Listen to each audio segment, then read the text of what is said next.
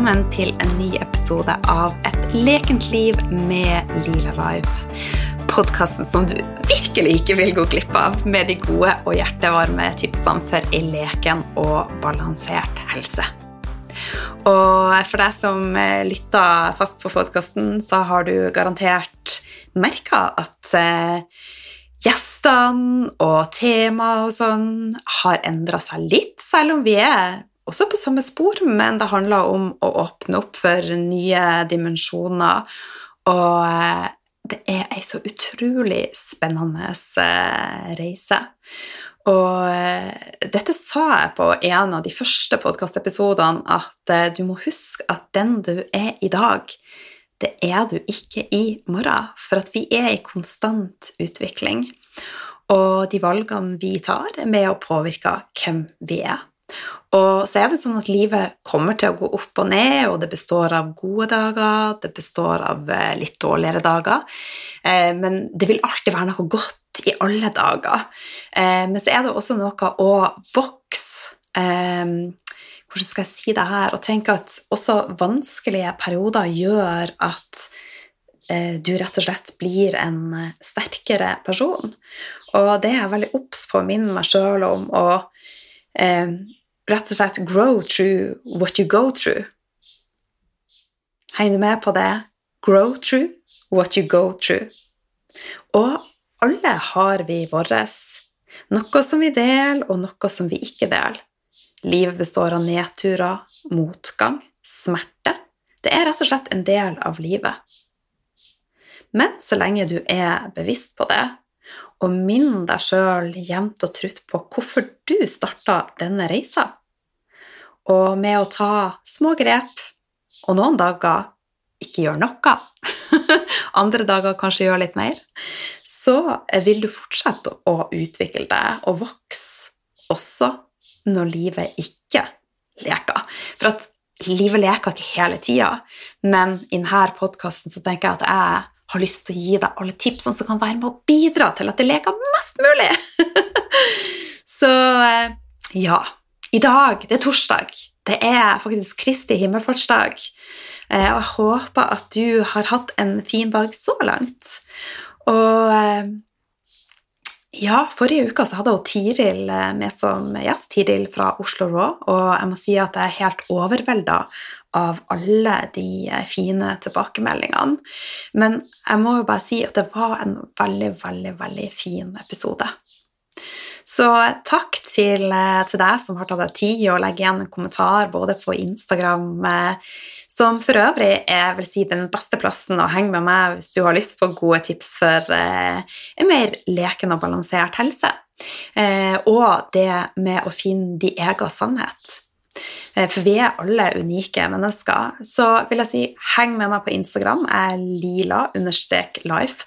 Der deler jeg daglige tips. Men mange av dere har delt episoden via Instagram, så takk for det. Og mange har også lagt igjen tilbakemelding via iTunes. Ehm, Sjøl så bruker jeg jo appen Podcaster. Eh, er det det den heter? Eh, jeg er så nerd på navn. Podkast heter den kanskje bare. Jeg kan jo sjekke på telefonen min når jeg sitter her er det podkaster. Som jeg sa først, stol på deg sjøl, Line. Men der er det også veldig enkelt å legge igjen ei eh, tilbakemelding. Og nå er det jo ei stund siden jeg har lest opp ei tilbakemelding, så eh, jeg tenker at nå er det på, på, høy tid. Og denne tilbakemeldinga eh, oppsummerer veldig mye av det som vi har reist gjennom på denne podkasten i lag. Så her kommer det ei eh, veldig, veldig fin tilbakemelding. Det er en podkast jeg anbefaler å lytte til. Line er ærlig. Tja, tusen takk. Morsom. tusen takk. Kunnskapsrik. Ta-ta! Og tar opp spennende tema. og jeg blir jo litt rød her av sitt. Hun presser aldri noe over hodet på meg. Hun er så tydelig på at vi alle er forskjellige og trenger å kjenne etter hva som er riktig for hver enkelt. Jeg har blitt veldig bevisst på at jeg kan gjøre noe. Jeg trenger ikke gjøre alt eller ingenting. Og det jeg har merket, er at jeg har begynt med noen små endringer som til slutt har blitt en del av rutinen. Og så jobber jeg meg sakte, men sikkert fremover. Hun har også fantastiske gjester som kan så utrolig mye. helt enig. Jeg har begynt å følge flere av de på Instagram fordi de har vært så inspirerende. Jeg har begynt med halvfaste, kjøper mye mer kjøtt fra Reko-ringen og spiser mer økologiske grønnsaker.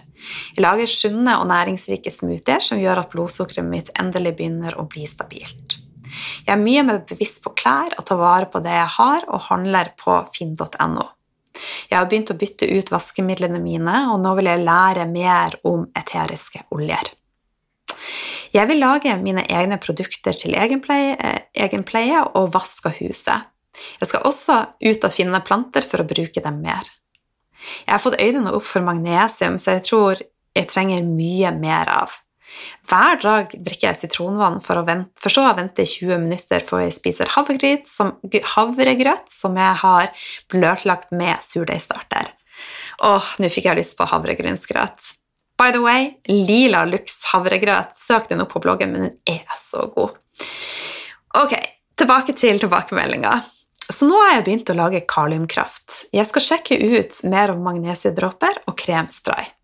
Jeg tør å stole på intuisjonen min og følger den mye mer.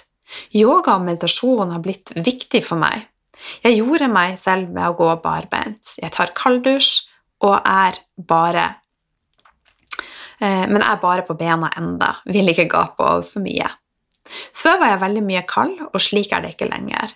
Jeg har blitt mer bevisst på de forskjellige vitaminene og har fått noen aha-opplevelser angående sol, solkrem og solbriller. Ansiktsmassasje forbedrer blodsirkulasjon, lytte til min kvinnelige syklus og ikke minst lære mer om hormoner. Jeg vet nå, nå at jeg tok riktig valg om å kutte ut p-piller, og når det kommer til spenning i kropp og angst, har, har eh, noe virkelig falt på plass i kroppen min. Jeg syns det er fantastisk når det er med coach, coacher, for jeg blir så bevisst på hva jeg vil ha og trenger mer av. Og for all del må jeg ikke glemme stress. Jeg forstår jo nå hvor mye det har ødelagt for meg. Nå har jeg endelig klart å roe ned, for Line gjentar i mange episoder hvor viktig det er å ha ro i tankene og det jeg gjør. Det handler mye om å burde, må, skal og vil. Nå gjør jeg mye mer av det jeg vil. Oppvask av andre huslige sysler går som en lek for tiden, for jeg koser meg så utrolig mye samtidig som jeg lærer noe nyttig. Jeg hadde allerede begynt på min helsereise før jeg begynte å, å lytte til podkasten til Lila Life. Det har gjort at min reise har blitt lekende lett. Dette ble en lang omtale, men så mye bra har vært med å inspirere meg, så tusen takk, Line. Og tusen takk, CQs, for ei fantastisk eh, tilbakemelding. Det varmer meg langt inn i eh, hjerterota, så tusen, tusen takk. Eh, en av de tingene hun nevnte, var at hun hadde lyst til å lære mer om eh, eterisk olje. Og jeg har eh, i dag en, eh, rett og slett et eh, liten eh, hva jeg skal kalle det, en liten speeddate med eterisk olje. Så jeg har et halvtimes webinar klokka sju, og jeg legger med linken hvis du har lyst å være med. Jeg kommer bare til å fortelle hva eterisk olje er, og hvordan du kan bruke det i livet ditt for å rett og slett få det mer lekent. Så i dag Vi er kommet til episode 117. Eh, forrige episode så eh, hadde som sagt, vi hadde med oss Tiril, og hun var veldig åpenhjertig om at hun har eh, fått ei oppblomstring av SIBO. Jeg har også fått flere henvendelser og mail fra dere om at SIBO er et tema som dere ønsker å lære mer om. Og jeg tok utfordringa for dere og inviterte med meg ernæringsterapeut Elisabeth Henriksson til en prat om fordøyelsen og, og SIBO. Så i dagens episode så snakker vi om hva SIBO er, hvorfor og eh, hvordan det oppstår, de forskjellige typene av SIBO, hvordan kartlegge SIBO, hvordan gå frem ved SIBO, kosthold ved SIBO, SIBO og kobling opp mot lavt stoffskifte, ME og andre sykdommer. Prognose. Helheten og sammenhengen. Alltid rett fokus mot årsak. Og mye, mye mer. Uten å skravle så mye mer, så er det bare én ting å si. God lytt, og så hopper vi i samtalen med Elisabeth. Hjertelig velkommen til podkasten, Elisabeth. Så utrolig hyggelig å ha deg med. Tusen hjertelig for invitasjon. du, aller først, hvordan starta du dagen din i dag? Denne dagen så starta jeg med at jeg tok min vanlige dose surkål, som er fermentert, og den har jeg lagd selv. Og det er da ekstra gurkemeie og forskjellige ting, så jeg får en god start på dagen. Og så jeg å, å skylle ned det her med vann, kollagen og MSM, og så drikker jeg litt kaffe. Mm. Det er min start på dagen. Da føler jeg meg i toppform. Ja. Og så da spiser du frokost etter en stund, da? Ja, altså jeg er veldig vant til å faste om morgenen. Ja. Så det er egentlig bare helger eller hvis det er et besøk, f.eks., så kan jeg spise frokost. Mm. Men til vanlig så gjør jeg faktisk ikke det. Nei. Så, og da fasta litt... du frem til lunsj, typ, da? Ja, til tolv-ett, sånn ja. cirka. Ja. Så det er det vanlige. Samme, det som, samme som meg, da. Ja, eller hur. Nei, ja. det, er, det en fin start, og, og på en måte gi litt space. Eller det er jo ikke fastahedning i og med det er surkål, men det er i hvert fall, jeg føler at det er noe som, som fortsetter en, hva skal man si, en detox, en søppelhåndtering i kroppen, så at man føler at man ja, får litt space mellom måltider. Mm. Mm. Så herlig. Men du, dette er jo første gangen du gjester podkasten. Eh, jeg vet litt om deg, men det vet ikke lytterne. Kan ikke du fortelle litt om deg sjøl, hva du gjør, og litt om de reiser? Ja, eh, jeg er jo da jeg er egentlig født i Göteborg, Sverige, fra början, fra begynnelsen. Og jeg er 35 år gammel, bor i Lørenskog. Og jeg har også da en bakgrunn som eh, ja, egentlig friidrettere, så jeg har drevet med toppidrett. Så det er også en del av min reise egentlig med ernæring. Jeg gikk jo også litt inn i veggen etter den, den treningsperioden, kan man si, med mm. fire-fem timer trening om dagen. Det er veldig stort, altså stor mengde trening. Och jag, alltså, efter detta så har jag också då, eh, ja, specialiserat mig då i, i ernäringsterapi och också då gentesting. Och den stora grunden egentligen till att jag har så pass stort brännande intresse för ernäring är ju att min mamma blev psyk redan mm. när jag var nio år.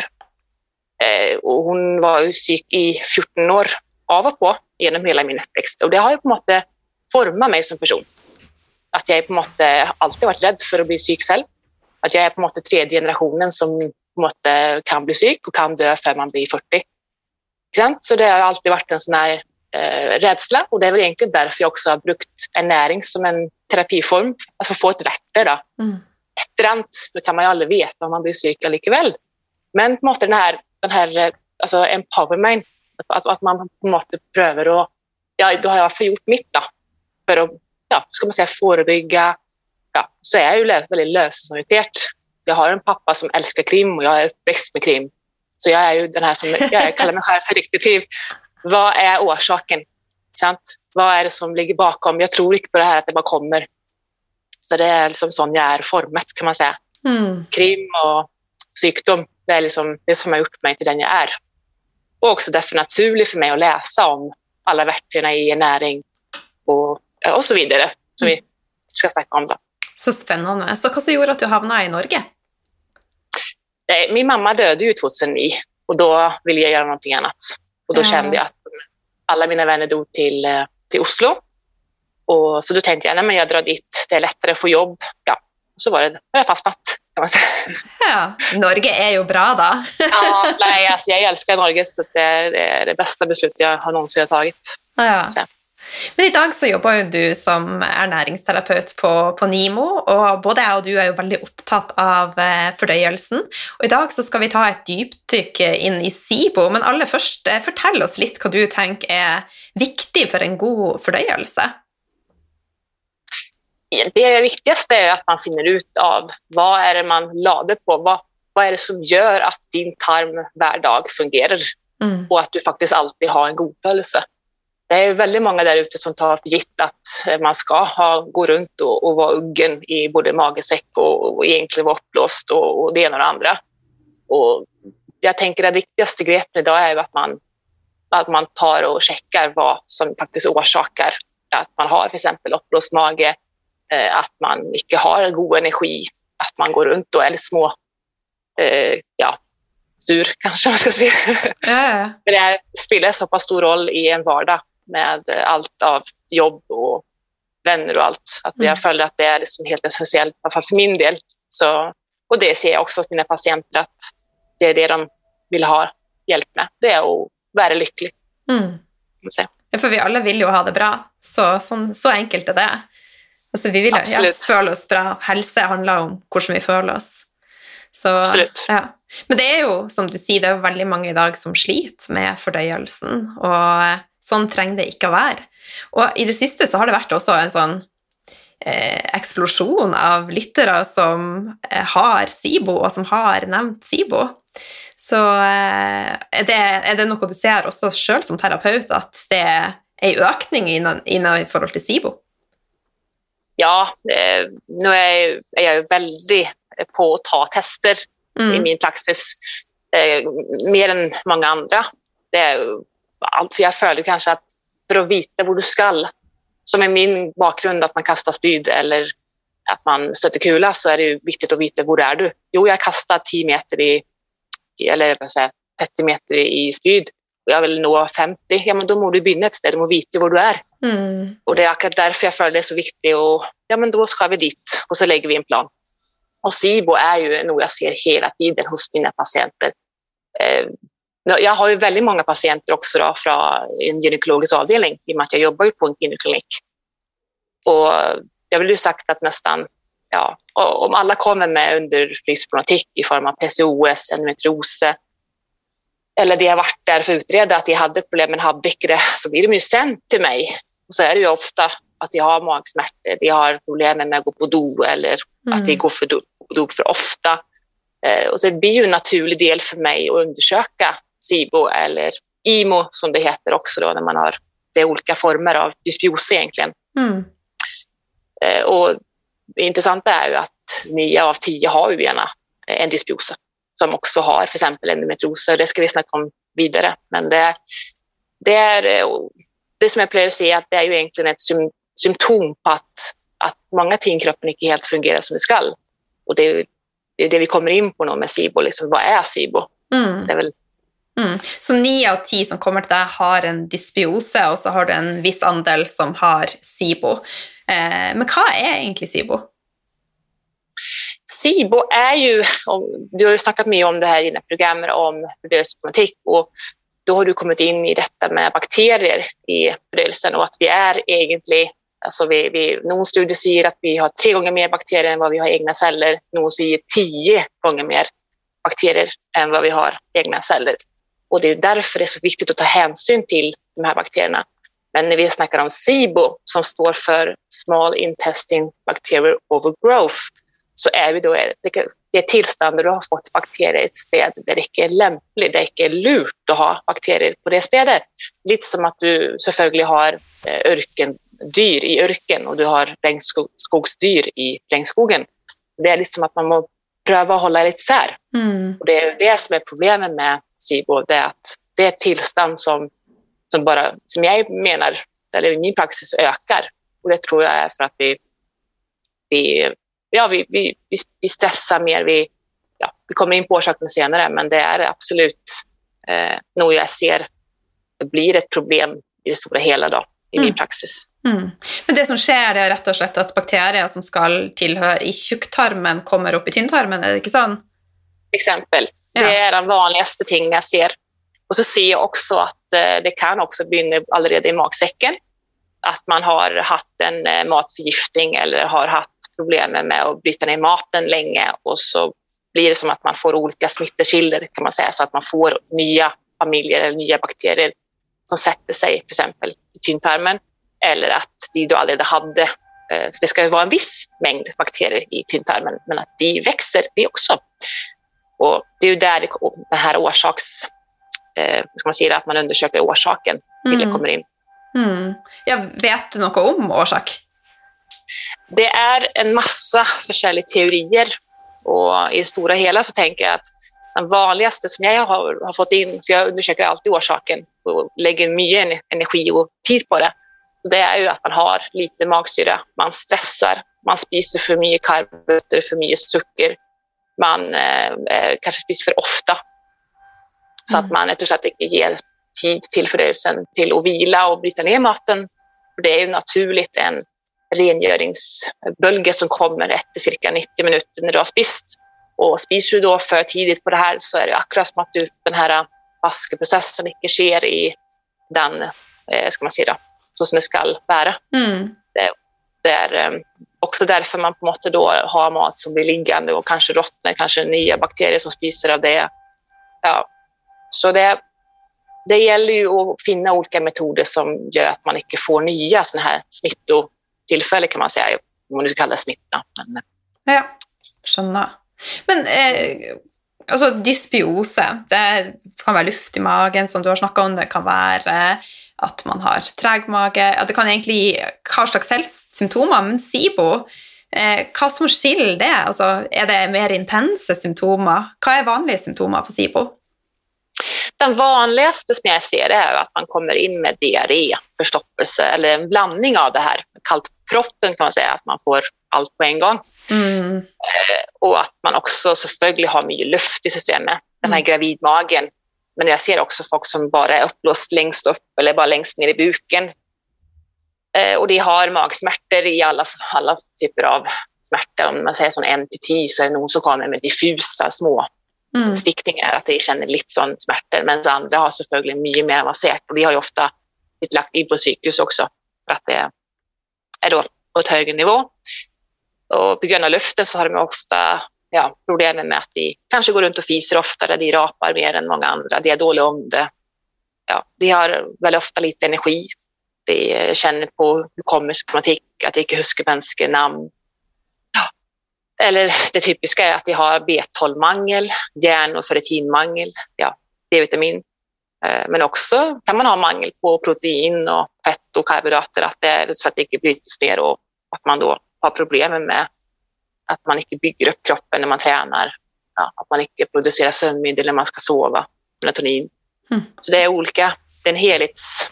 Alltså det påverkar allt i hela fördöjelsen. Du kan ju tänka, det är det område som är så otroligt kritiskt för att ta upp alla näringsstofferna. Det är där det bildas gas. Det är där det är bakterier. Du kan se det som, jag kallar det för näringsbanditter i min praxis, för att patienterna ska förstå att det här är ju nog som, om man tänker att man har ett regnskap där man ska få in en viss mängd med, med mat varje dag och näringsstoffer så det, kan man ju gå i minus.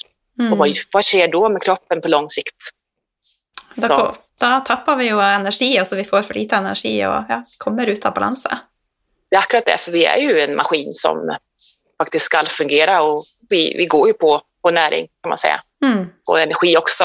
Eh, Det är liksom, vi snackar väldigt mycket om energi, i, vi ser på reklamer och alla möjliga grejer, men det är ju också kampen mot näringsmangel idag. Att vi har för lite näring i maten och det är därför det blir så kritiskt när man får en SIBO-tillstånd, Mm. eller ska man säga. Då. Mm. För det är väl det vi säger, det är ju inte en diagnos, det är ju ett tillstånd. Ja, tilstand.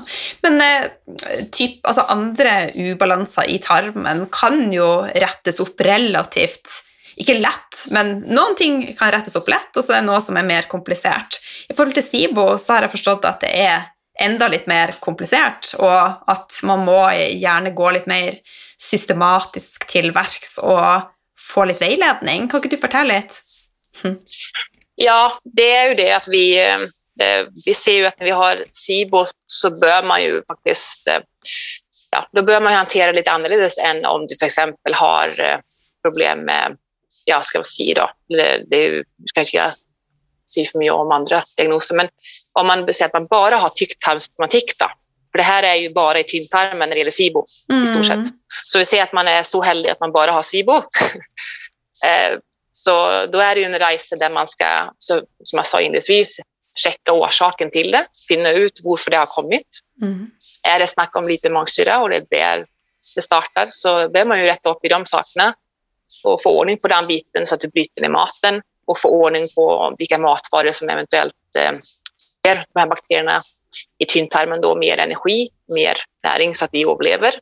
Finna ut om man kan få det till att bli reducerat, det vill säga att det i varje fall inte är på det nivået det är idag. Eh, och att man då ja, oftast testar det här, det vi kommer in på senare säkert, men det är viktigt att finna ut hur stort omfång det är av bakterier, för har du en väldigt moderat SIBO så kan det ta ett år eller två år att behandla. Så reisen är ju avhängig av också eh, på en test att man ser hur stor behandlingstid faktiskt vi oftast player och brukar. Då. Mm. Det vill säga att vi har en väldigt mild SIBO som jag kan se för exempel i en 20-åring som kanske bara haft SIBO i några år eller ja, visst vi, vi finner ut att hon var i Brasilien 2018 och så efter det så har, då fick hon till exempel en matförgiftning då. Och efter det så har ju bara fördöjelsen eh, ja, tagit helt av och blivit eh, dåligare och dåligare för varje år. Och då kan vi ju se en behandlingstid på ja, någon månad till sex månader kanske. Mm. Eh, för att det är så pass lite om du, om du känner vad... Det handlar väldigt mycket om hur länge har du gått med det. Ja. Så, så är det ju att finna ut, eh, är det också i tillägg något som fortsätter, att du har en dysbios också i tarmen. Så att det hänger ju samman. Så man måste se det här an om det, är, om det bara är SIBO eller om det är i tillägg till någonting annat. Då. Mm. Men det, är, det mm. finns ju olika typer av kosthållsregimer där och örtebehandlingar som vi då dukar på NIMO. Eh, ofta i lag också med, med läger på funktionell medicin. Ja. Så att vi också har lite kontroll. Eh, det är alltid någon som vill ta antibiotika för exempel och då, då kanske de går till en, eh, en av de lägena eventuellt. För du, du, kan inte sätta dig på antibiotika? Nej, det gör inte jag personligen, men Nej. jag kan ju då be dem att ta en timme hos eh, en veterinärmedicinsk läge då. Mm. Istället. Men jag kan ju också säga att det är en hierarki i det här, så det är, det är inte det första jag gör. Det gör jag med en patient som kanske har prövat sex månader, som är ung, som inte orkar mer för exempel. Ja, eller en, en, ja, så det, det är liksom inte... Ja, man måste förstå att det, det kommer inte, det, det, är ett symptom på en större bild. Mm. Så man kan göra det och så kan man göra ting parallellt bredvid. Men man gör inte det alene. Då har man missförstått hur kroppen på något fungerar. Då, eller ja. tarmen. Ja, det är så viktigt att uh, du preciserar det. För att jag tror det är väldigt många som inte klarar att skönja att det är rätt och slett brandslokking och bara dempe med mediciner. Vi må, som du sier, gå til, eh, til årsaken. Eh, men i mm. forrige episode så hadde jeg med meg hun Tiril, som er gründer av eh, Oslo Rå. Eh, og hun har nå fått si på, hun var veldig åpen på det, eh, men hun trodde at dette hadde oppstått i tenårene, og så hadde hun klart å håndtere det med kosthold, og nå var det da oppstått en ganske ja, stressa situasjon rundt korona, og så hadde hun fått oppblussing. Er det også noe du ser kan, kan skje? At man klarer å Ja. ja. ja det, det, tänker jag definitivt, för det, corona är ju något som sätter oss i en väldigt stressig situation, både ekonomiskt och mm. Ja, eh, det stress vi kedjar oss. Vi, eh, vi tänker mycket plötsligt, vilket kan vara väldigt bra. Det är inte det jag säger att det är bra, men det är, det är klart att eh, det är mycket negativa nyheter hela tiden. Vi vet inte vad vi ska förvänta oss. Det är lockdown. Och det är klart att det tror jag gör att folk ja, kanske småspiser oftare, eh, går runt med en sån här oro i kroppen som absolut med forskning visar att det påverkar till exempel våra dåliga bakterier. Eh, och kanske man också får i sig eh, mat som innehåller dåliga bakterier eller gör att vi på något får en uppblomstring av försäljning. Mm. Det tror jag på. Så, sen eh, tror jag också på att det finns folk som blir bättre i corona. Det har jag sett patienter som jag hade en kundgrupp som alltid kommer in och det första de säger är jag är så stressad, jag är så stressad, jag är så stressad. Och det, det bara signaliserar ut att här är det liksom brandsläckning bara på, på den biten. Eh, och det har jag faktiskt väldigt få av. No. Så bra. Det är jävla intressant. Att, eh, ja, så den här stressade personen är så många av nå. Mm. Och jag hoppas att, eh, att det gör nog med befolkningen att den här icke går glipp av och måste fortsätta att vara lite också. För det, det husker jag för corona, att alla skulle vara ute på allt man knappt har tid till sig själv. Ja. Så. Ja, jeg har faktisk brukt denne tida til ei sånn positiv reise personlig, så eh, den har vært veldig bra for meg. så eh, veldig fin. Men eh, tankene våre Jeg driver også nå og leser ei bok som heter så dårlig husk, det heter, den heter The Anatomy of the Spirit, og det går jo også på du nevner tankene våre. Og de setter også et avtrykk i, i oss, da, eh, og kan faktisk, eh, ut fra det hun skriver, eh, kan også påvirke helsa vår. Så hvis vi har mye negative tanker, så, så er det absolutt noe vi bør jobbe med. ja, enig. Og jeg tenker også at hver gang man er negativ, så mm, så är det väl det att man, man påverkar kroppen negativt, att man sänder ut vissa eh, stoffer. Det är ju det, det är ju kemi det här och vi, vi sänder ut stoffer varje gång vi mm. tänker en negativ tanke. Det är som när vi stressar och då, då tänker vi också och då skyller vi ut mer kortisol. Mm. Så det är klart att fysiskt sett är det också möjligt att faktiskt gå runt och påverka kroppen negativt måten. Mm. Så det är inte bara som någon tänker att det är lite alternativt utan det är, det är min forskning som visar det här. Och jag är helt enig med det du nu har inte jag läst den boken, det får jag ta och göra. Men, det är väldigt spännande. ja, tror jag på. Ja.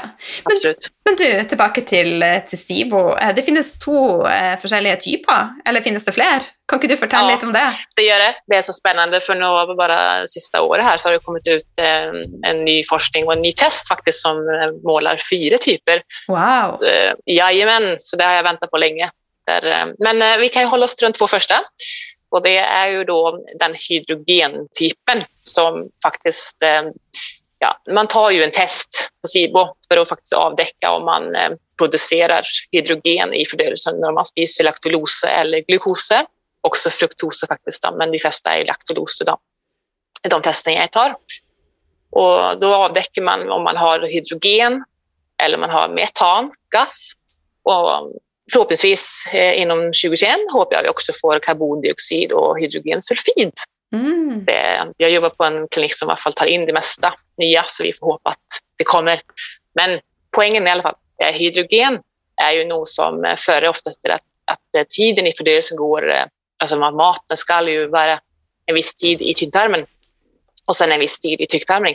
Och med hydrogen så går den tiden raskare, och det vill säga att man då inte räcker att ta upp näringsstoffer och kanske kyla ut en del eh, ja, ska man säga, hjälpestoffer så att man ofta får väldigt eh, lysare avföring. Man får ofta med, alltså, vad ska man säga då, akut tömning, att man mår raskt på do. Mm. Eh, ja, och att man också blir väldigt uggen och man, alltså allt blod är nere i, i, i fördöjelsen så att man blir väldigt slapp och sliten faktiskt. Ja. Så det är det som ett problem och, och så följer också mycket luft. Och, ju mer luft man har, det vill säga att man får en test där man visar mycket mer hydrogen, alltså ppm då, i, i gas, så det är klart att är man då en, en eh, moderat, man kallar det för, så, då kan, så ser man ju gravid ut och då är man också väldigt sliten. Mm. Eh, och, och, dels så tror jag det är för att man, man när man har diarré, så det är som om man tar barn i Afrika som har diarré konstant, så du mister näringsstoffer varje dag ja. istället för att ta det. Du får, du får ett minus i regnskapet. Så den, alltså hydrogensibon är ju, syns jag, oftast mot akut. Det jag ser inte, jag tycker det är inte bra att gå runt med metanvarianten heller. Men eh, den hydrogenen är ju något som, jag, som gör att man raskt blir slapp och sliten. Och när jag har för exempel ME-patienter så är det alltid den typen som vi har haft länge, ja. som på något är slitna. Mm. Det är ju väldigt intressant. Mm. Men eh, låt oss säga att, eh, att jag kommer till dig och misstänker att jag har ett eller annat. Hur går du fram då? Hur sätter du igång processen? Först så tar jag en, den här SIBO-testen på personen. Eh, om jag då har avdäckt selvfølgelig att jag har alla de här symptomen. Men nu ser vi att du har det, att du har alla de typiska SIBO-symptomen. Eh, så då tar jag testen på dig. Vi säger att du får med dig en pack igen med en eh, pusterpröve som man då ska eh, förbereda sig för två dagar för att man då eh, spiser speciella matvaror. Då är det egentligen ris, eh, ja, loff för den som tål och så är det kylling och kalkun. Och någon kan också spisa lite sån, eh, ja vad heter det, eh, salt och peppar och lite ost också, men då ska det vara en specialost. Så, eh, så lite som neutrala matvaror rätt och slett? Ja, ingenting som egentligen fermenterar kan man säga. Man ska laga en så bra bunn som möjligt så att vi måste inte feltolka testen. Mm. Att det blir en stigning och så är den falsk ost, på något att det inte är en SIBO-test. Ja. Alltså det är inte SIBO egentligen. Och det gör man gärna två dagar för. Eh, I, i värsta fall så är det bara ett dygn då, visst det är någon som tacklar det. Och då fastar man också 12 timmar för man tar testen. Man borstar inte tänderna när man står upp, utan man går rätt på. Eh, och då plejer vi oftast att se att man tar den klockan nio om morgonen, gärna en lördag eller kanske en söndag. Mm.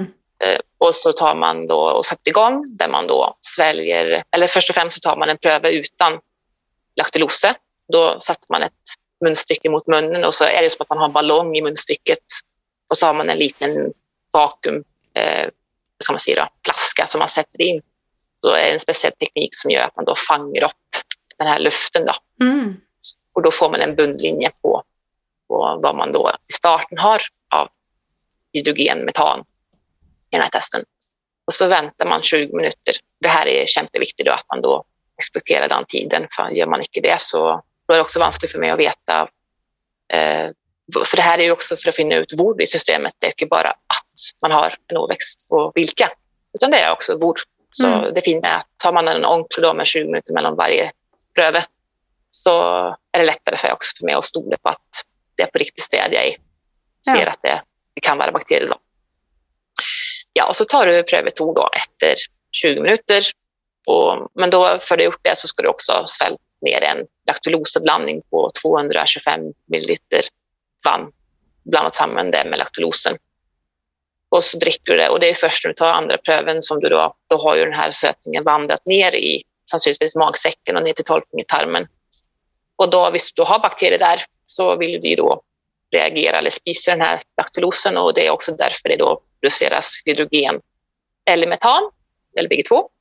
Och det är ju något som då cirkulerar ut i lungorna och det är därför vi då kan pusta ut och testa om det då är i utandningsluften. Då. Mm. Det är så det fungerar. Så där eh, det är bara någon följer att allt är nere i magen och i hela tarmen, men det går också ut via lungorna. Ja, allt hänger ju samman. Så är det bara. Mm. Ja. ja. Så tar man då, eh, på labb 1 så har vi ju en pröve vi också brukar, då är det åtta pröver. Men eh, den jag tagit mest av faktiskt, för också för att få lite, för pröve 9 och 10 är ju också mycket mer längre ut i eh, tycktarmen. Så det syns jag är väldigt spännande att ta det också, eh, de två sista. Så jag anbefaller ju egentligen den från Nordic Labs då, som är på 10 pröver. Och då ja. får du också sett lite, så som jag snackade om, att det, är det bara SIBO eller är det lite åväxt kanske också i tycktarmen. Ja. Mm. Och så då, låt oss säga att det har SIBO då. Eh, vad är vägen vidare? Vägen vidare där då? Då måste vi först och främst finna ut det du spurt om i stad, men vilken typ är det? Mm. Har du bägge? Har du för exempel hydrogen eller har du metanvarianten? Eh, för metan är ju något som också för till, eh, eller som egentligen för till den andra vägen, man får förstoppelse. Så jag har patienter som kommer in med bägge två, att vi, ja, att vi på något sätt testar både positivt för hydrogen och metan. Och metan eh, ser man egentligen inte SIBO längre, då, men det är på något eh, motsatsen uansett. Mm. För det är i och med att det ena är det, det andra är förstoppelse. Och vägen vidare är ju då att behandla det här ut efter vilka man har. Vad visar testen? För det är en helt annan behandling om du har bara hydrogen eller mest på hydrogen. Då. Mm. För hamnar du på att du har till exempel metan så blir det plötsligt mycket mer komplicerat. Okay. Det betyder att då må man ju kanske tänka mer på, eh, på annan typ av behandlingsprotokoll, kan man säga, andra typer av örter.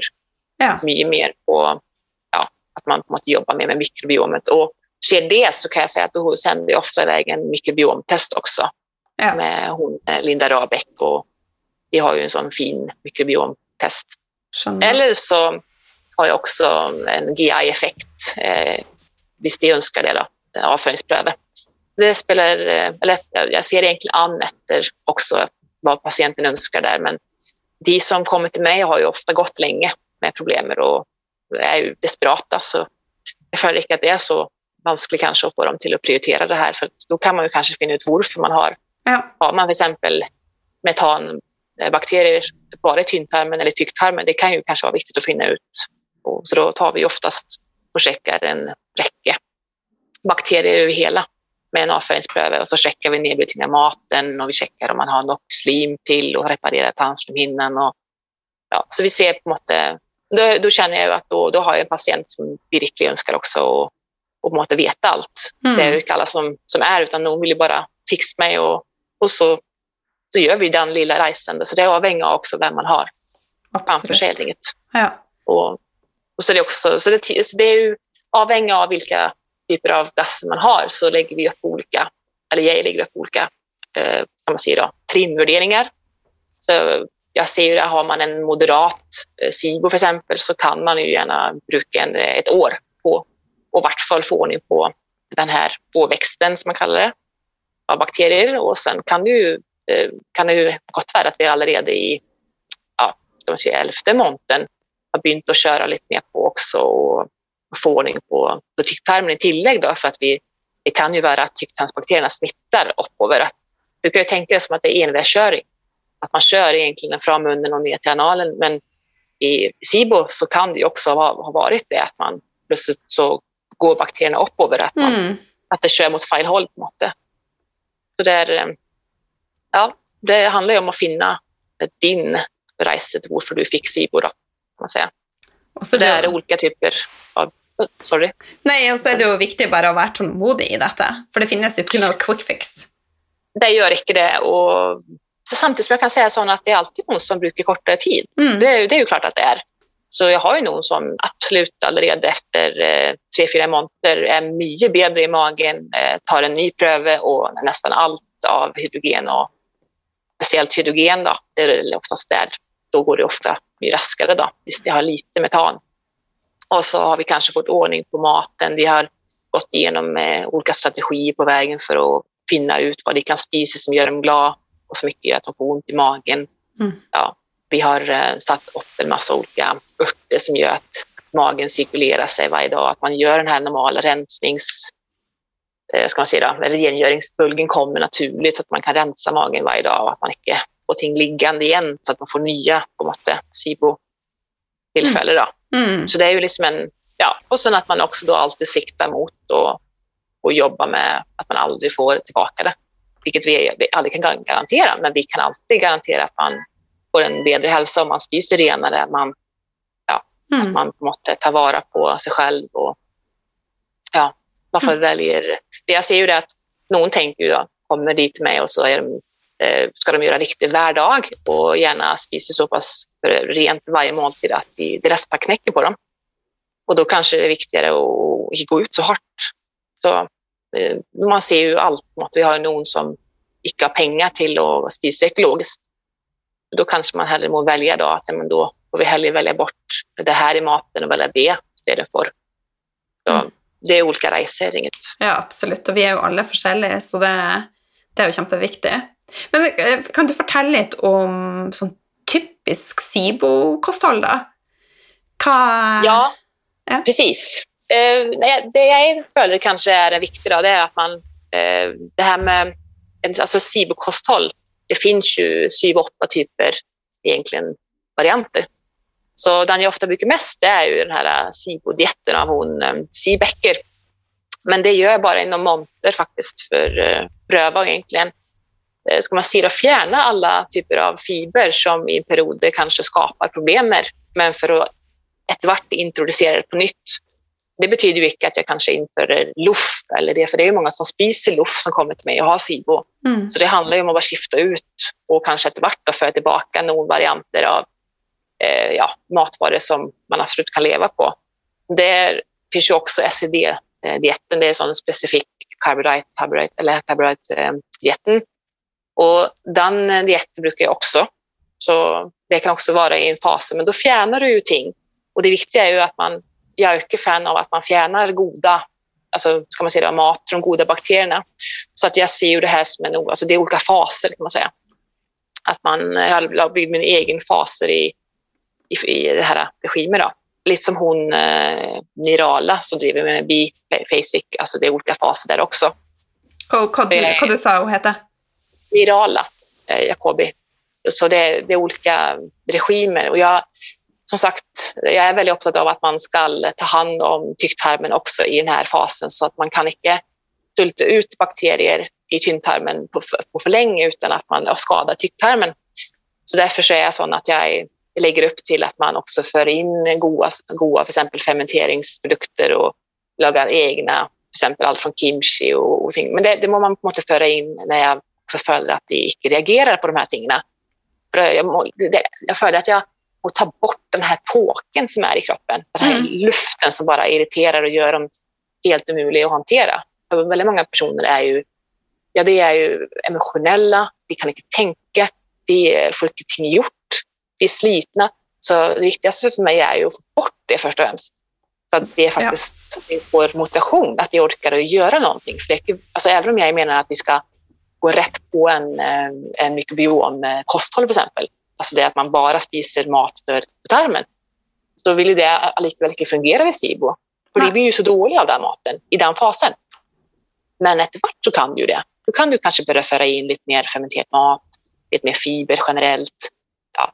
Så det är ju liksom så de med SIBO blir ofte dårlig av grønnsaker som inneholder fiber, pga. at det är med å fyre mer på problemet deres, rett og slett? Ja, precis. Det är, och det är med så i den perioden, kanske fjärna sunda matvaror i den perioden för att ge hjärnan lite mer space och så kan kanske ta någon tillskott som gör att man får igång avgiftningen, får ut mycket av de här eh, alltså gifterna man ofta har. Och det är ofta vanligt att man till exempel inte att man, eh, på grund av att man har metanbakterier så kan ju de, alltså, ja, de påverka gallan så att du inte kan eh, inaktivera avfall och olika ting. Mm. Så att du faktiskt också vill småförgifta. Alltså, ska man säga, du, du får inte ut den här, det här avfallet som du alltid får ut ellers. Mm. Och så kanske du tar upp viktiga fettlösliga vitaminer som A, D, E, K. Och då plötsligt så får du något som tar hand om eh, alla organen och hjärnan, mm. och tänderna och slimhinnorna. Och då blir du ännu mer sliten och får problem med det. Så det är det att man måste få en fas då i starten där du kan måtte, fjärna och stötta upp allt samman. Sen kan det bli en, en ny resa där, där man på något då eftervart ser att nu börjar liksom luften försvinna. Du börjar få igång magen för de som har förstoppelse. Ja, då kanske man kan föra in lite mer annan mm. mat. Absolut. Ja, eller fiber eller ja. ja. Så det handlar ju också om att finna ett kosthåll på lång sikt som eh, på något lader. Då. Så det, det är att man går, jag tror inte på att man går tillbaka till det här eh, bara luff och färdig mat som någon kommer till mig med. Eller det är inte alla som gör det. Någon är ju väldigt sund också. Mm. Men att man på något sätt, avhängig av vem, var du startar då. Mm. Att man alltid finner en, en, ett kosthåll som gör att man på något sätt bibehåller de resultaten vi har fått till. Då. Mm. Enig. Enig. Du, er litt avsporing. Er Vi må ha litt latter her inne også. Jeg har, jeg har en mann som, som, mener at tomatsaus er grønnsaker. Hva er din mening? Ja, tomatsaus ja. ja. Det beror ju på. Du kan ju fermentera tomater och så köra i mixen. Då är det ju kämpesunt. Jo, hvis, du, hvis du köper ett färdigglass med dolmio tomatsaus, tänk du att du får dekt, ja. dekt dina behov för grönsaker? Ja. Förstår du vad jag menar nu? Nej, herregud, ja, det är allt relativt. Nej, men det beror helt vad du jämför med. Då. Alltså, det är i varje fall färger det där. Det är ju röd färger. Så det mm. kan ju vara sunt på en måte. Det är det vi ofta jag följer. Liksom det spiser kanske mat som bara är blek, som, som bara som inte innehåller några antioxidanter eller någonting. Så då, då kan ju en tomatsaus innehålla färgstoffer och antioxidanter, absolut, men det innehåller ju socker, vad jag mm. vet. De flesta mm. i alla fall. Du, men så, du... så tenker jeg også Når det er såpass prosessert og lite fiber da, for tarmen, og lite for tarmen å jobbe med så, eh, Men sånn går nå dagene her i huset. ja, det var jävla bra. Nej, alltså det, men allt är relativt. Så man måste också tänka sånt då, om du har ett människa som bara lever på pizza. Eh, så det kan ju vara fint att bara äta, alltså då är ju tomatpasta eh, eller liknande, alltså paste då, kan ju det innehålla viss typ näring, men det är mycket. Nej, det är inte något jag vill argumentera med. Nei. Nei, for så vidt, Jeg er jo vokst opp sjøl på, på, mye ferdigmat, men hun mamma brukte alltid å ha tomat på Grandiosaen vår. Så hun gjorde, ja, hun gjorde i hvert fall sitt beste. Så det, det, tenker jeg også sånn generelt, at vi må gjøre vårt beste, og små ting kan gjøre en stor forskjell. Så, så det var nå bare en liten avsporing. ja, jeg er jo helt enig. Det, det, det, handlar, alltså det är inte alla som har lust att bli eh, så, så vidare. Vi är ju ja, väldigt högt upp och vi är, vi är ju väldigt intresserade i det här. Vi är ju galna. Ja. Det är klart att alla har lust att komma där. Och om de avslutar med pizza var någon som hade frukost, lunch och middag. Jag menar, och plötsligt spiser de kanske mer än salat. Då har vi vunnit oavsett. Mm, absolut. Det. Ja. Är inte alla som har lust att bli som, som mig. Nej. Nej. och jag för så vidt eh, eh, Av og til så syns jeg det kan være litt komplisert å være sånn som oss, for vi er jo veldig nysgjerrige, og ja, av og til så ønsker jeg bare å øh, senke skuldrene litt. Så i helga har jeg jobba med det og vært ute og spist og prøvd å gi litt mer F, rett og slett. Så, ja, det er. Mm. Så, så ja. Men det er olika måter. Ja. Ja. Tilbake til SIBO og kosthold. Er det noe du vil tilføye, eller noe som jeg har glemt å spørre deg om rundt det? Ja, altså det, det jeg skal si, er jo at eh, vi ser jo nå at det er flere og flere eh, skal man si, sykdommer som har på en måte SIBO også. Så det er jo veldig interessant. Eh, hva var det jeg tenkte på? Jo, vi har jo f.eks.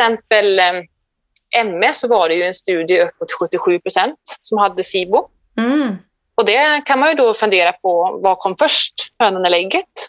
Ja. Är det så att de faktiskt inte klarar att ta upp näring eller att de har näringsbanditter och så går det på bekostning av, eh, av energin, då blir man ut, utmattad. Och många av dem som jag har med ME har ju också, det är ju väldigt, eh, ja, de har ju ont i magen. Eller alltså det är uppblåst i magen eller de har problem med. Diarré eller förstoppelse. Och samma sak, vi har endometrios också. Då är det ju sex gånger mer bakterier i för exempel i både tarmen och i underlivet av dåliga varianter. Så jag tror ju också att vi ser att det här påverkar ju alla bitarna. I till exempel underlivet, som jag, i och med att jag jobbar ju på en gynekologisk avdelning så ser jag ju att folk kommer in med både eh, att de har lätt för att få urin... Vad heter det? Urinvägsinfektion? Ja, Samtidigt som de har gärna problem med underlivet, om det är så är sopp eller att de har en uh, autoimmunitet eller de har en diagnos. Och så har de gärna en tarmproblematik. Så att, det är ju bara det som Nina, då, hon, eh, Nina Wilhelmsen, som du har haft, som är min chef. Hon plejer att säga att det är tre millimeter mellan, eller tre millimeter, eh, mellan eh, tyn, nej, tycktarmen och underlivet. Mm. Så det är klart att det kan ju ske att det, att det kommer över i fel bana. Och hvis du är då uheldig med det, att du har allerede en dålig tarm, så är det inte så överraskande att man också får andra problem. Men det är hönan eller ägget, så vi vet ju inte helt och hållet än. Men det kommer mycket forskning på endometrios och adenomyos också, och SIBO. Mm. Så det är viktigt då, för det snackas så mycket om endometriosen i media i alla fall, att eh, ja, fler och fler politiker kommer ut med det eller, och att folk vet vad det är. Det, det är ju något som man inte snackar om, akkurat som tarmen. Mm. Underlivet är ju tabu. Ja, också. ja, ja. det är lite synd att det är så. Så, eh, men jeg er jo et eksempel på dette. I mine tenåringsår så hadde jeg både altså hadde kronisk urinveisinfeksjon og hadde jo en, altså mye plager med fordøyelsen. Og det gikk jo til at jeg fikk nyrebekkenbetennelse. Men jeg konkluderte med at det, det, henger jo veldig tett sammen, så det skal jo ikke mye til, som du sier, før at bakterier kommer på, på avveie. Og ja, så. Eh. Absolut. Och vi ser ju också nu att eh, det finns ju studier faktiskt med bakterier i lungorna eh, i sammanhang med, då med kols och astma. Och vi ser också då, eh, studier nu med en eh, i Mexiko, tror han heter Marco. Det är länge sedan, det är fem år sedan, jag läste ett kurs som hette The Microbiome Brain. Och då kom det fram till det att det var en sån försök med hiv-patienter som hade dött.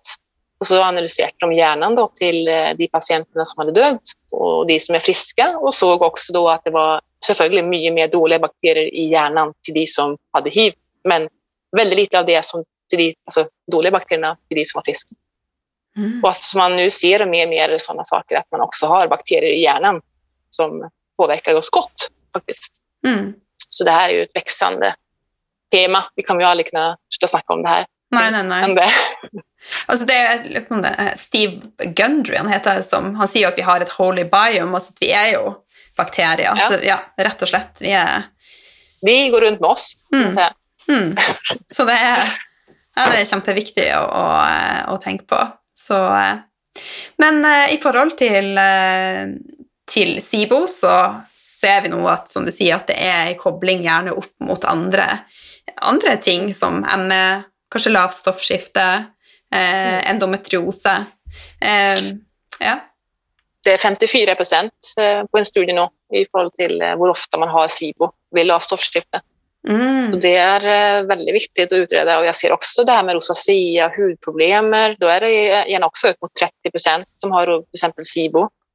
Eh, de klarar inte att rensa huden, de, är, eh, de har inte näringsstoffer, de klarar inte att bygga huden varje dag. Det är en vedlikeholdsprocess som sker varje dag. Mm. Och, ja, så det är, eh, det är väl en lista nu på över hundra sjukdomar som man, ja, i alla fall nå då, vet att SIBO är med i processen. om det är orsak eller om det är, ja, det är som sagt vanskligt att veta, men det Mm, är viktigt att utreda i alla fall. absolutt. Så, Men i Det er det. forhold til eh, prognoser på SIBO, kan du si noe om det? Ja, eh, det är klart att det är som sagt ett symptom, men det är klart att om man plötsligt kan få en patient till att förstå helheten i kroppen så ser jag ju det att prognosen på en mild SIBO är ju gärna eh, allt från tre till sex månader behandling. Så mm, det bör du ha tålmodigt. Alltså det är inte se och bara ta en SIBO-test en gång och så gå en gång hos en patient eller hos en terapeut. Utan du må förstå att det tar tid. Du må finna ut orsaken. Och gör du inte det så ser vi också att ja, de här 50 plus damerna som jag har, vi har ju, det är väldigt sällan jag har mild, utan vi har ju gärna en moderat, en ja, SIBO.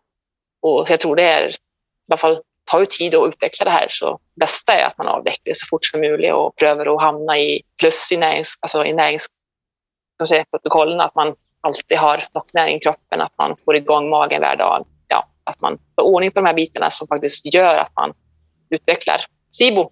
Att man Ja. är mer beskyddad mot matförgiftning till exempel, som är den största grunden till IBS och SIBO. Då. Mm. Så prognosen eh, på mild är ju lite kortare. Men har man som sagt, då är man en av de här mina vanligaste patienter på 50 så är det ju väldigt ofta att man har kanske allt från sex månader till halvant år på sig att göra det här. Mm. Och så att man också då förstår eh, vad man ska göra vidare då, som sagt, för att inte få tillbaka det. Ja. Det kan man aldrig lova någonting där, men det är viktigt att få dem till att i varje fall göra något med kosthållet. Så att jag, i varje fall, jag menar, det är någon som förväntar ju bara att vi kan ha ont i magen och vi kan ha luft i magen. Och, så det kan ju vara ett mål för någon, medan andra vill ju eh, gräva mycket djupare. Så man måste ju se vad Mm. patienten önskar helt enkelt, eller har för mål. Eh, En av de, Nå har ikke jeg hatt SIBO, da, men jeg har jo hatt mine utfordringer med fordøyelsen. Og en av de tingene som har vært mest revolusjonerende for meg, er faktisk å ikke spise så mye og altså tenke så ofte, da. Så det å faktisk også starte dagen med periodisk faste, og nå inntar jeg Ja. sit- sitronvann og eh, ofte sellerijus. Altså det er får i gang magen på en sånn fantastisk eh, måte. Så det er Mm. ja, altså kontra Ja. å spise mat.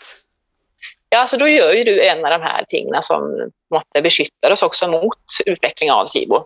Med Mm. att du faktiskt spiser sellerijus som får igång magsafter och gör att du bryter ner maten eh, raskare, bättre.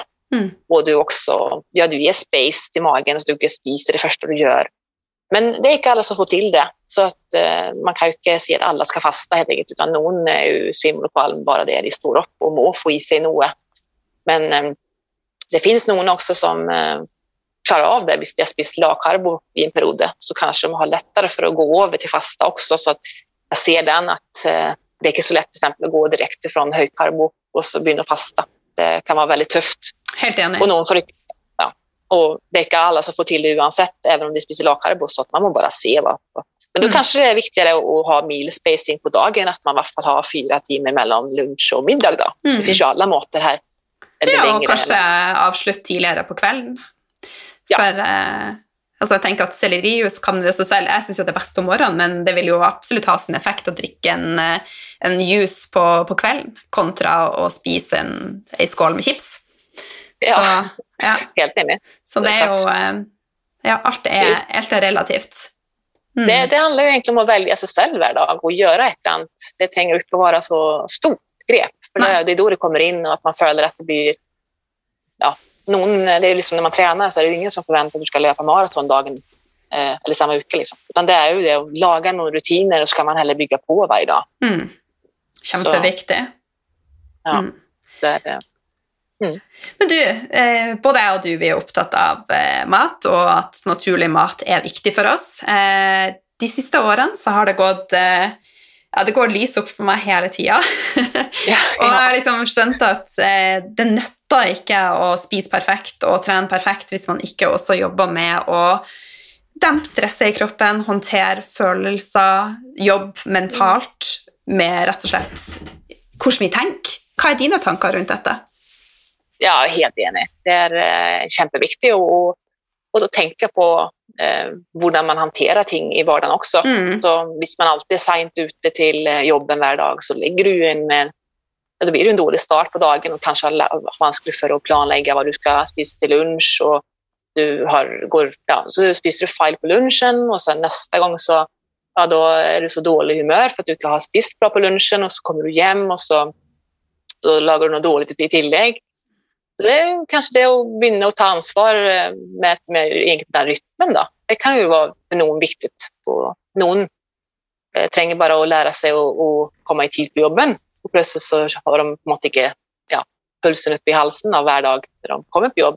Så jag menar det är helt essentiellt också då och ja, det är ju fel att ta ansvar, det ser ut som att man eh, dömer någon då, men det, det, det handlar mer om det om att man ska se sig själv varje dag. Vad gör att du lader, att du är i balans då, tänker jag. Mm. Det är liksom det här med att man går runt och hissar sig över saker som kanske inte är så viktigt. Det är också ting. Det är, det är en längre resa. Det gör man ju inte på en uke. Nej, nej, nej, det är bevisstgjøring som, eh, som tar tid. Og altså, en sånn ting som jeg bruker å tenke på, jeg bruker å tenke på noen som inspirerer meg. Så hvis jeg da er i en situasjon der jeg har lyst til å eksplodere, så tenker jeg jeg har lyst til å være mer sånn som hun og respondere sånn som hun. Så det høres kanskje litt rart ut, for jeg er opptatt av ikke å sammenligne meg sjøl med andre, men samtidig så har jeg noen som jeg strekker meg etter, hvis du skjønner. Ja, men jag, tror det är helt essentiellt att ha en förebild i livet. Ja. Har man inte det så då är det ju som att då har man ju inte något mål heller. Nej. Det, jag har ju alltid haft eh, idoler hela livet, mm. eh, i alla åldrar. Eh, någon som jag har lust att, att bli. Måste, fast eh, det är ju inte det att jag ska det är inte det att man vill bli någon annan, men man har lust att se upp till någon helt enkelt. Och det mm. tror jag är jätteviktigt. Jag har många i näringsbranschen som jag ser upp till, som jag geekar lite och följer på på, på Instagram och, och, läser om hela tiden. Och det, det är viktigt menar jag, eller andra branscher också. Mm. Kan du inspirera då? Det, det, är ju folk som får till ting. Alltså det som skapar verktyg som gör att man eh, får ting till i vardagen. Och, mm. så det är alla typer av eh, böcker om eh, habits. Alltså vad får den till? Vad, vad är det som gör att patienten mina faktiskt lyckas varje dag? Alltså det är ju såna böcker om kommunikation och ja, sociala antenner, allt det här med att läsa om hur man kommer överens med sina patienter och få dem till att förstå vad som är viktigt eller att de själva vet vad de ska prioritera. Mm. Det är ju så, jag har ju patienter i alla, alltså från alla kanter. Så det är ju någon som, eh, som bara sitter och spelar genom dagarna, ska få dem till att komma överens med mig och få dem till att välja annan mat. Jag ska få kanske någon som, eh, som på något är eh, väldigt introvert. Det handlar ju mycket om det, om att komma överens med alla samman och få dem till att, öppna sig. Absolut. Det är ju, det är ju resa, kan ja. man säga. Mm. Man, man kan inte komma överens med alla, men jag tror på att man i alla fall kan finna en fällesnämnare så att man eh, får ett människa till att, att välja det de önskar. För det är ju jag som ska berätta vad de ska göra, utan ofta så, så må jag lära känna personen och få dem till att se själv på slutet vad de faktiskt tror de behöver göra också. Kanske mm. inte SIBO, för då är det ju mer som fagmässigt, men att i vart fall de vet vad som är viktigast av alla symptomen ni har. Ja, men jag önskar att göra det här för då blir jag mer lycklig. Liksom. Mm. Ja, väldigt, väldigt viktigt. Men det är också så att vi har ju damer på kliniken som aldrig har varit vant vid att välja sig själv. Det är ju en resa i sig att bara få dem till att plötsligt eh, att de förstår att de är minst lika viktiga som barnen eller hunden eller mannen mm. eller bästemor eller vänner. Mm. Det kan ju också vara vanskligt för någon. Jag ser ju det att plötsligt så, så har de avlyst teamen för att vi ska, vi ska hellre pussa upp en veranda eller terrass. Och det är ju klart att det är så lätt att glömma det där för att man, ja, man har många andra ting i livet som också då brister. Mm. Så det, det, tror jag man må liksom nästan varje dag bestämma sig för att idag, jag är lika viktig, idag ska jag göra det här för mig själv. Si ja til meg. mm. Absolutt. Ja, det er viktig. Men du, er vi også mer og mer overbeviste ettersom jeg leser og lærer om at vi har en fysisk kropp, men at vi også har en energetisk kropp, og at det spiller en stor rolle i forhold til hvordan vi har det. Eh, hva er dine tanker her? Jo, det, det är ju det jag føler. Att man, eh, man må hela tiden tänka på vilka tankar man har i huvudet det är ju det. det. det. är den här boken vi hade i mitt studium om eh, att tankar påverkar också handlingar och som påverkar vad man, man gör varje dag.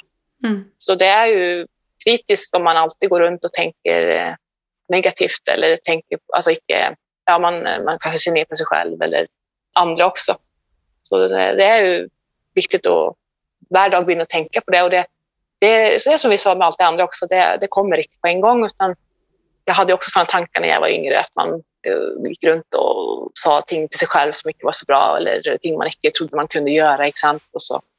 Då blir det ju icke något bra av det hela, utan man bara står fast på en, på en punkt.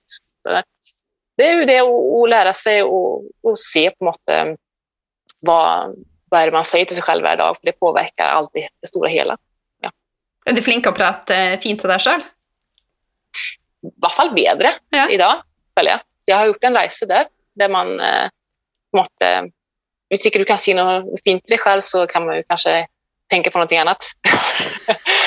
så när jag har haft en Nej, men faktiskt, Det är som när man säger, hvis ikke du har något att se, så inte se något. Men altså, hvis ikke du har något negativt att se, så inte se något. Men det är ju lite samma sak till dig själv också. Så då när jag till exempel är negativ och jag har en dag där det har gått dåligt med ett eller eh, vad vet jag, då, då är det viktigt att göra någonting som gör en glad istället för. Så att man inte hamnar i det där registret att man går runt och bara Mm. tänker negativt.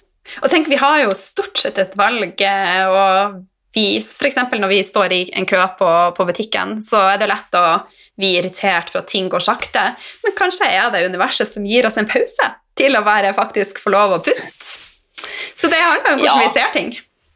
Ja, så, så är det ju det att eh, hvis man inte känner på det negativa så är det också väldigt vanskligt att sätta pris på det positiva. Mm. Så att, eh, jag tror också någonstans att vi människor eh, kanske tränger en sån rollercoaster ibland, då, att man är går upp och ner i humör.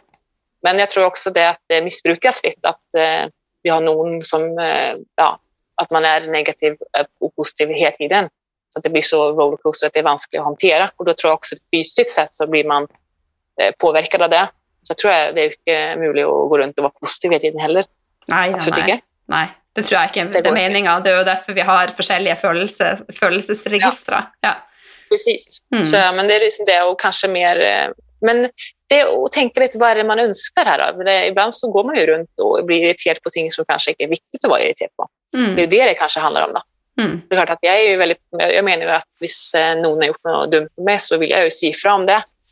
Det är absolut. Eller att man själv har eh, varit någon skit då. Men det, det handlar ju inte om att man ska kanske vara sur på att någon går över eh, mot rött på, på gatan. Det är ju deras valg. Men Mm. att det inte är så positivt för bilförarna, det är en ting. Mm. Men det är ju det hela tiden att, att välja sina kamper då, Ja. Mm. Du, helt på tampen, er det noe som jeg har glemt å spørre deg om, som du tenker vil være av verdi for lytterne, som du vil tilføye? För Värdi för... för- Lytterne. Ja, det är väl eh, att inte vara rädd för att kartlägga sin hälsa. Det är allt för många som testar för mycket utan att um, måste veta. Så det kan faktiskt, det, det är mina starkaste anbefalinger, det är faktiskt att inte vara rädd för att ta en test på det ena och andra. Om det är så checka om du har något omega-3 i kroppen eller om du, hur det är med fördöjelsen som vi snackade om i stad. Eller, ja, det, det är ju en av de viktigaste testerna som ja, kan visa om det är ett ämne som mycket är bra i kroppen. Och Det, det är allt för många som eh, lar det gå flera år innan de köper en test. Så Mm. kanske de kunde ha sparat sig för de här tillskudden för de var inte viktiga. Eller nej, du hade inte SIBO. Ja, men, oh ja, jag har ju tagit hela SIBO-behandlingsprotokollet. det är som, Ja. eller så har det fungerat alltså, selvfølgelig. Också det. Men, eh, nej, men det, det, är, det är lite som när, man, som när jag drev med idrott. Så det är en av mina starkaste som jag, tar med mig. Då, det är att eh, då visste jag liksom att ja, men jag må till exempel eh, bli så här stark för att kasta så här långt. Och det är samma sak, hvis du har lust att bli bra i kroppen och du har lust att få ordning på fördöjelsen så, så må du selvfølgelig också veta vad som föregår där. Sant? Lurt ja, det var kloke ord. Så tusen, tusen takk for, for samtalen og for veldig mange gode tips. Og helt, helt på tampen, hvor kan lytterne finne deg hen? Tusen tack för det, att jag fick komma. Eh, nej, jag är ju på Nimo-kliniken i Drammen. Det är ju en av Norges största kvinnokliniker. Der där jobbar jag i, stort sett hver dag. Där kan man ta kontakt med Nimo nimo.no. kan boka online eller kan in läsa massa artiklar och massa morsomt. Och det är ju inte bara mig där, utan det är ju det är 35 olika behandlare nu, så vi växer Wow. extremt. Jajamän, vi har allt från sexologer till eh, eh, vad ska man säga, akupunktörer, ja, eh, allt med huden, allt med, alltså hudterapeuter och kosmetiska sykepleiere och Fantastisk. Massa gynekologer och vi har urologer till män. Men 95 procent av klinikerna är till damer, alltså kvinnor. Så det är eh, bara att boltra sig om man har lust att få lite hjälp. Det är en privatklinik som eh, Nina har startat, hon och hennes man, Nina Wilhelmsen och Morten Haug. Vi önskar ju helt enkelt att hjälpa kvinnor, eh, men selvfølgelig män också, men det är ju det att kvinnor går igenom så många faser som hon säger att säga. Att vi ofta har mycket mer problem. Mm. Det är ju inte så rart med tanke på att vi ska trots allt bli gravida, gå gravid, vi ska amma, ja, vi ska komma ihåg åldern, allt möjligt. Ja. Men eh, Vi har et En helt fas. annet hormonsystem. Vi har en helt annen hormonsyklus, sånn at eh, ja, det er rett og slett litt mer utfordrende å være kvinne på noen områder. absolut, så, Ja. nej, så det är på måte en eh, ja, vi prövar ju att tänka att kvinnor tränger mycket mer stötte här med tanke på och det är ju viktigt med alla, selvfølgelig inte bara kvinnor som är viktiga, men det är i alla fall det fokuset vi har där. Så, välkommen Ja. till oss. Tusen takk for det, og tusen takk for eh, tida di. Ja, tack så mycket.